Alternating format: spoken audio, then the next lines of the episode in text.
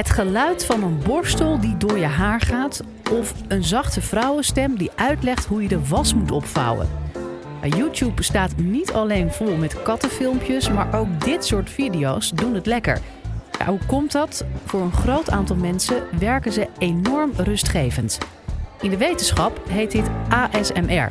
En Anouk Keizer van Universiteit Utrecht weet veel meer van dit fascinerende onderzoeksgebied. Vanaf het Bedweterfestival in Tivoli-Vredenburg geeft zij dan ook antwoord op de vraag: waarom worden sommige mensen rustig van een knisperend papiertje? Dit is de Universiteit van Nederland. Ik wil dit college graag beginnen door jullie even te laten luisteren naar de volgende fragmenten. Dus luister goed.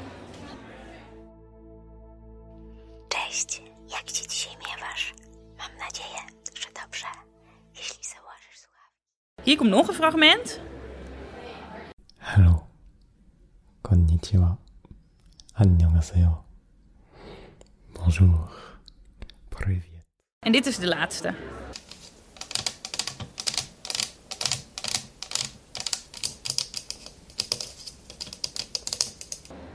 En nu heb ik voor jou, luisteraar, een paar vragen. Voelde je nou direct dat je heel relaxed werd en dat je hartslag naar beneden ging? Had je misschien ook een heel sterk tintelend gevoel dat begon boven op je hoofd en dat langzaam via je nek naar je schouders naar beneden ging? Kreeg je misschien soms wel een soort orgasmisch gevoel? Als je op een van deze vragen ja antwoordt, dan zou het zomaar kunnen zijn dat jij ASMR hebt. Of in het Nederlands ASMR. Dat staat voor Autonomous Sensory Meridian Response. Wat we in het Nederlands vrij kunnen vertalen als autonome sensorische ervaring richting een hoogtepunt. Dit zegt misschien nog niet zoveel, maar ik zal in het college proberen uit te leggen wat ASMR precies is. ASMR is op dit moment een term die nog relatief onbekend is. Uh, voor het eerst werd het fenomeen genoemd op een internetforum in 2007, maar pas in 2010 werd de naam ASMR bedacht. En deze medisch klinkende naam beschrijft dus een gevoel van tintelingen in je hoofd en heel ontspannen worden na het horen van bepaalde geluiden of het zien van bepaalde filmpjes. En dit is een gevoel dat veel mensen misschien ruim voor 2010 al ervaren hebben als ze bijvoorbeeld op zondagmiddag naar Bob Ross op tv zaten te kijken. Let's just see what happens. Let's start with, with black and blue, or blue and black. And we just sort of mix them together on the brush. More black than blue though. Zijn zachte, rustige stem, persoonlijke aandacht voor de kijker, het geconcentreerd schilderen en vooral het geluid van penselen op doek werkt voor veel mensen als een zogenaamde ASMR-trigger. Tegenwoordig kun je als je online de juiste zoektermen intypt al heel erg veel vinden over ASMR. Daar spreken mensen bijvoorbeeld van breinorgasmes, braingasms of de tintelingen, de tingles. En ook worden heel veel beeld- en geluidsfragmenten met elkaar gedeeld. Die kunnen leiden tot regelrechte orgasmes voor je hersenen.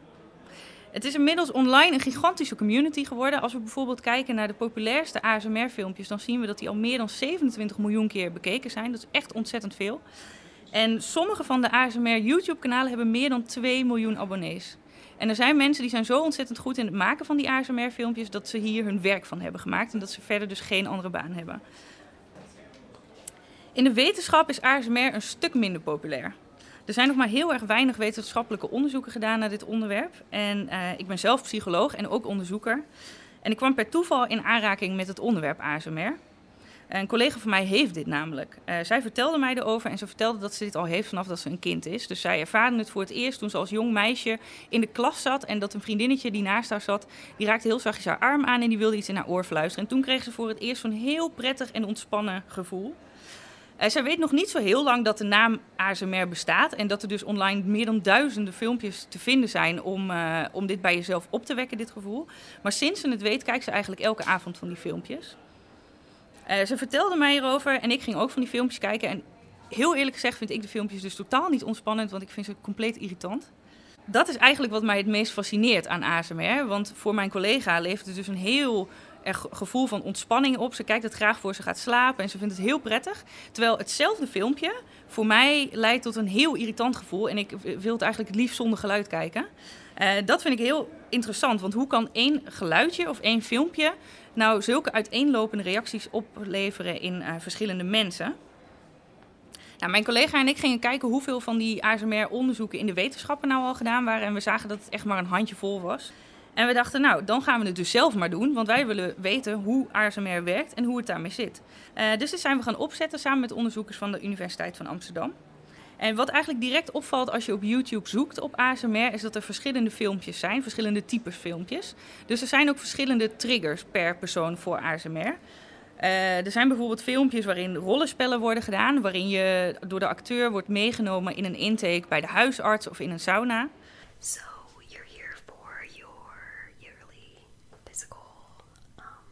Er zijn ook veel filmpjes waarin uh, mensen iets voordoen, een soort tutorial filmpjes, bijvoorbeeld tutorials om handdoeken op te vouwen of cadeautjes in te pakken. En er zijn ook filmpjes waarin de acteur voornamelijk zachtjes fluistert of tikkende geluiden maakt op uh, bijvoorbeeld een, een shampoofles.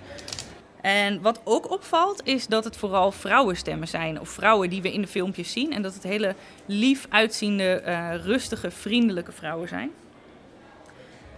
En een tijdje geleden is er voor het eerst een echt groot onderzoek naar ASMR gedaan. En um, op het moment komt eigenlijk veel van wat we weten over ASMR uit anekdotes die we op internet lezen.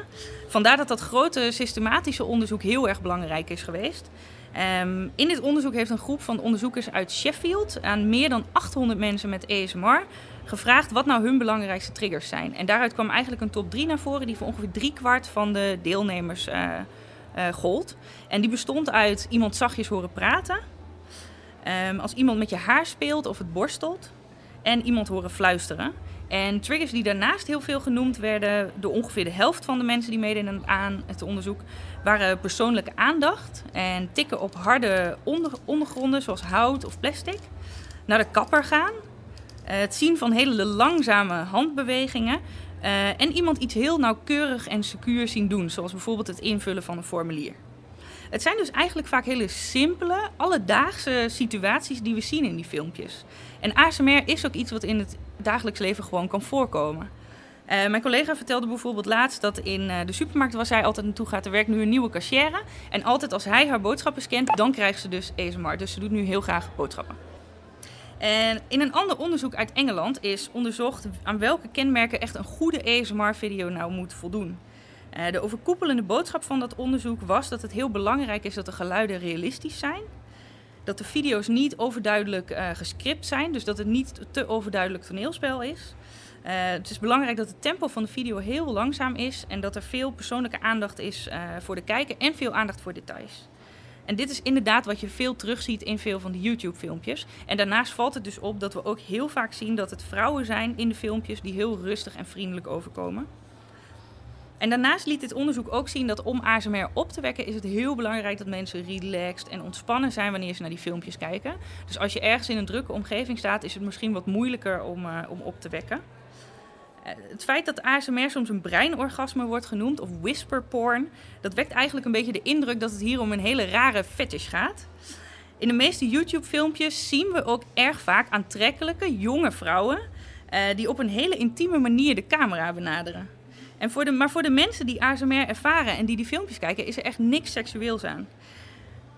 En het hebben van een breinorgasme, ondanks dat het wel seksueel klinkt, is voor hun ook totaal niet gerelateerd aan seks. En dit is eigenlijk ook naar voren gekomen in een recent onderzoek. In het onderzoek waarbij ze die 800 mensen met ESMR ondervraagd hadden, hebben ze ook gevraagd: word je nou opgewonden als je die filmpjes kijkt? En daaruit bleek dat maar 5% van de mensen die ESMR ervaart, opgewonden ervan werd.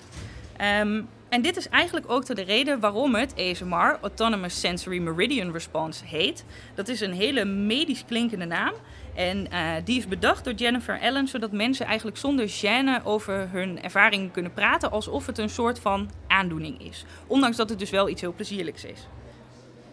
Um, toch kan het wel zorgen voor uh, opgetrokken wenkbrauwen als je probeert uit te leggen wat je nou precies voelt als je ASMR hebt.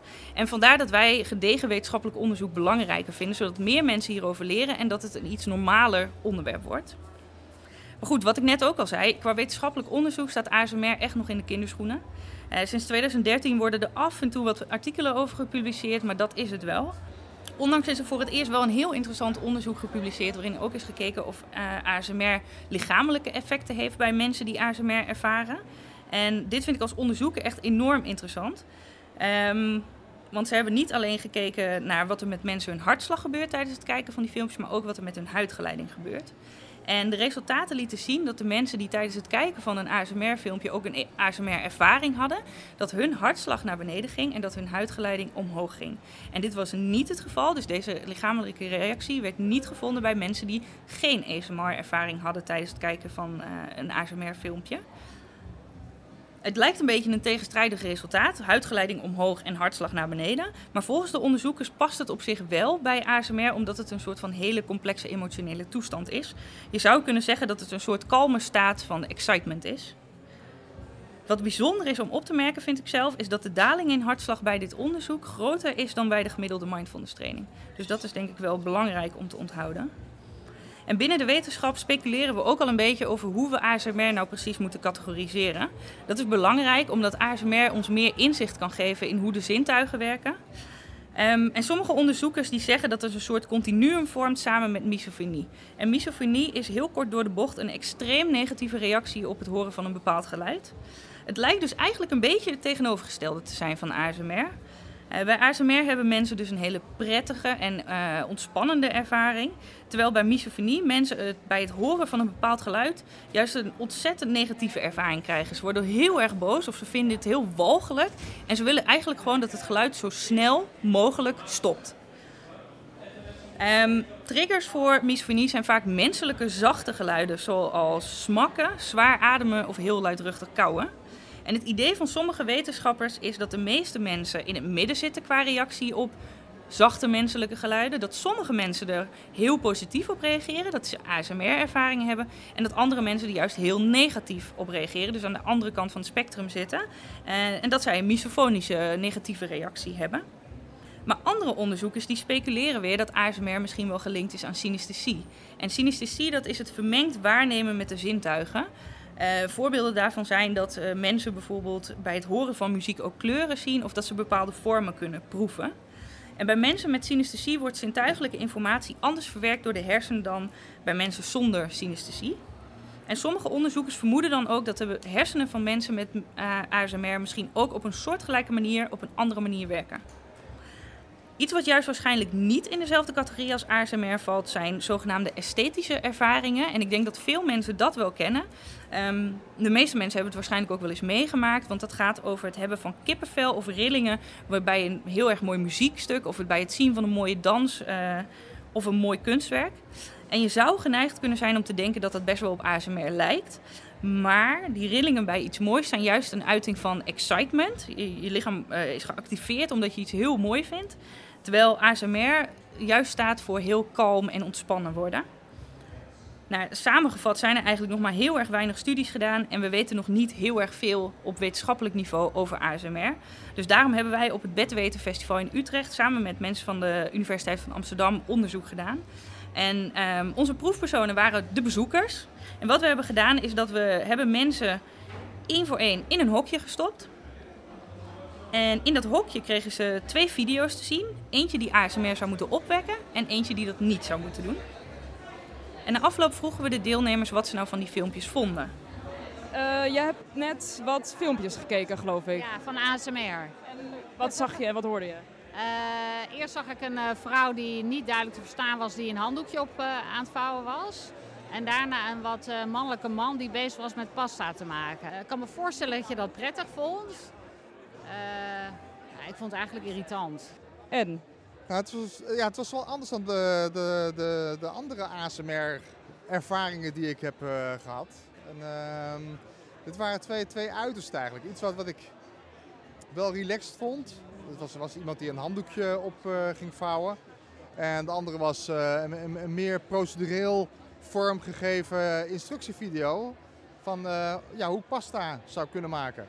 En dat, dat was wel een groot verschil eigenlijk daar, daartussen.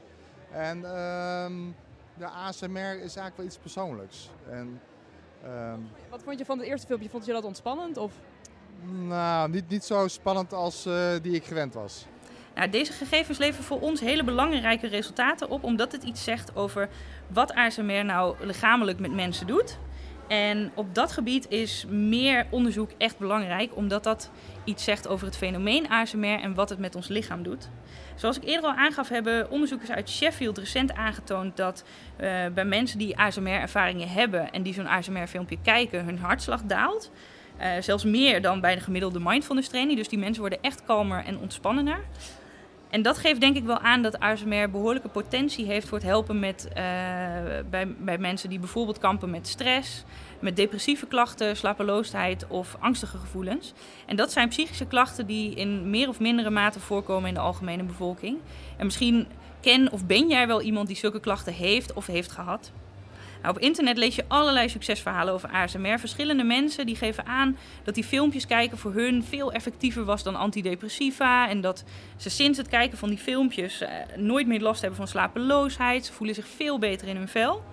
Dit soort subjectieve succesverhalen vind ik heel fijn voor de persoon die het zo beleeft. Maar ik bekijk ze als onderzoeker wel een beetje sceptisch. Ik zou het wel geweldig vinden als zoiets simpels als het kijken van uh, bepaalde filmpjes voor sommige mensen eh, kan helpen voor het verminderen van uh, deze veel voorkomende psychische klachten. Maar voordat we in de wetenschap ook echt kunnen uitzoeken of ASMR-filmpjes ooit een nieuwe therapie zouden kunnen zijn voor bijvoorbeeld burn-out of depressie, is het belangrijk dat we eerst onderzoeken hoe ASMR nou precies werkt en wat het met mensen doet. Kunnen we bijvoorbeeld mensen ook aanleren om ASMR-ervaringen te krijgen? Of is het alleen maar weggelegd voor een heel specifiek deel van de bevolking?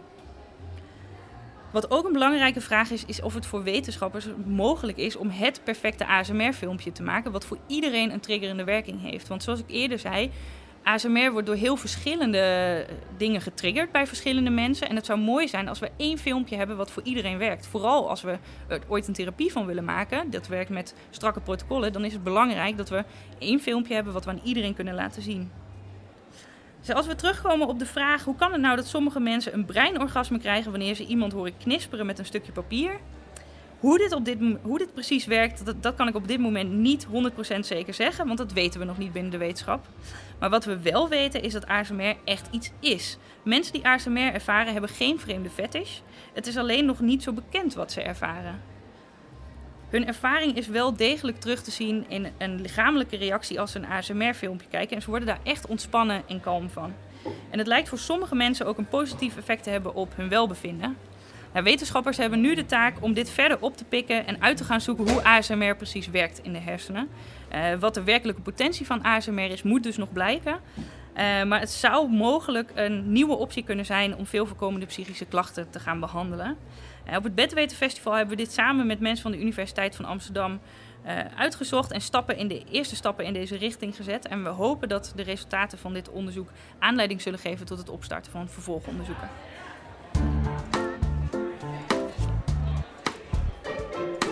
Dit was de Universiteit van Nederland. Wil je nou nog meer wetenschappelijke antwoorden op spannende vragen? Check dan de hele playlist.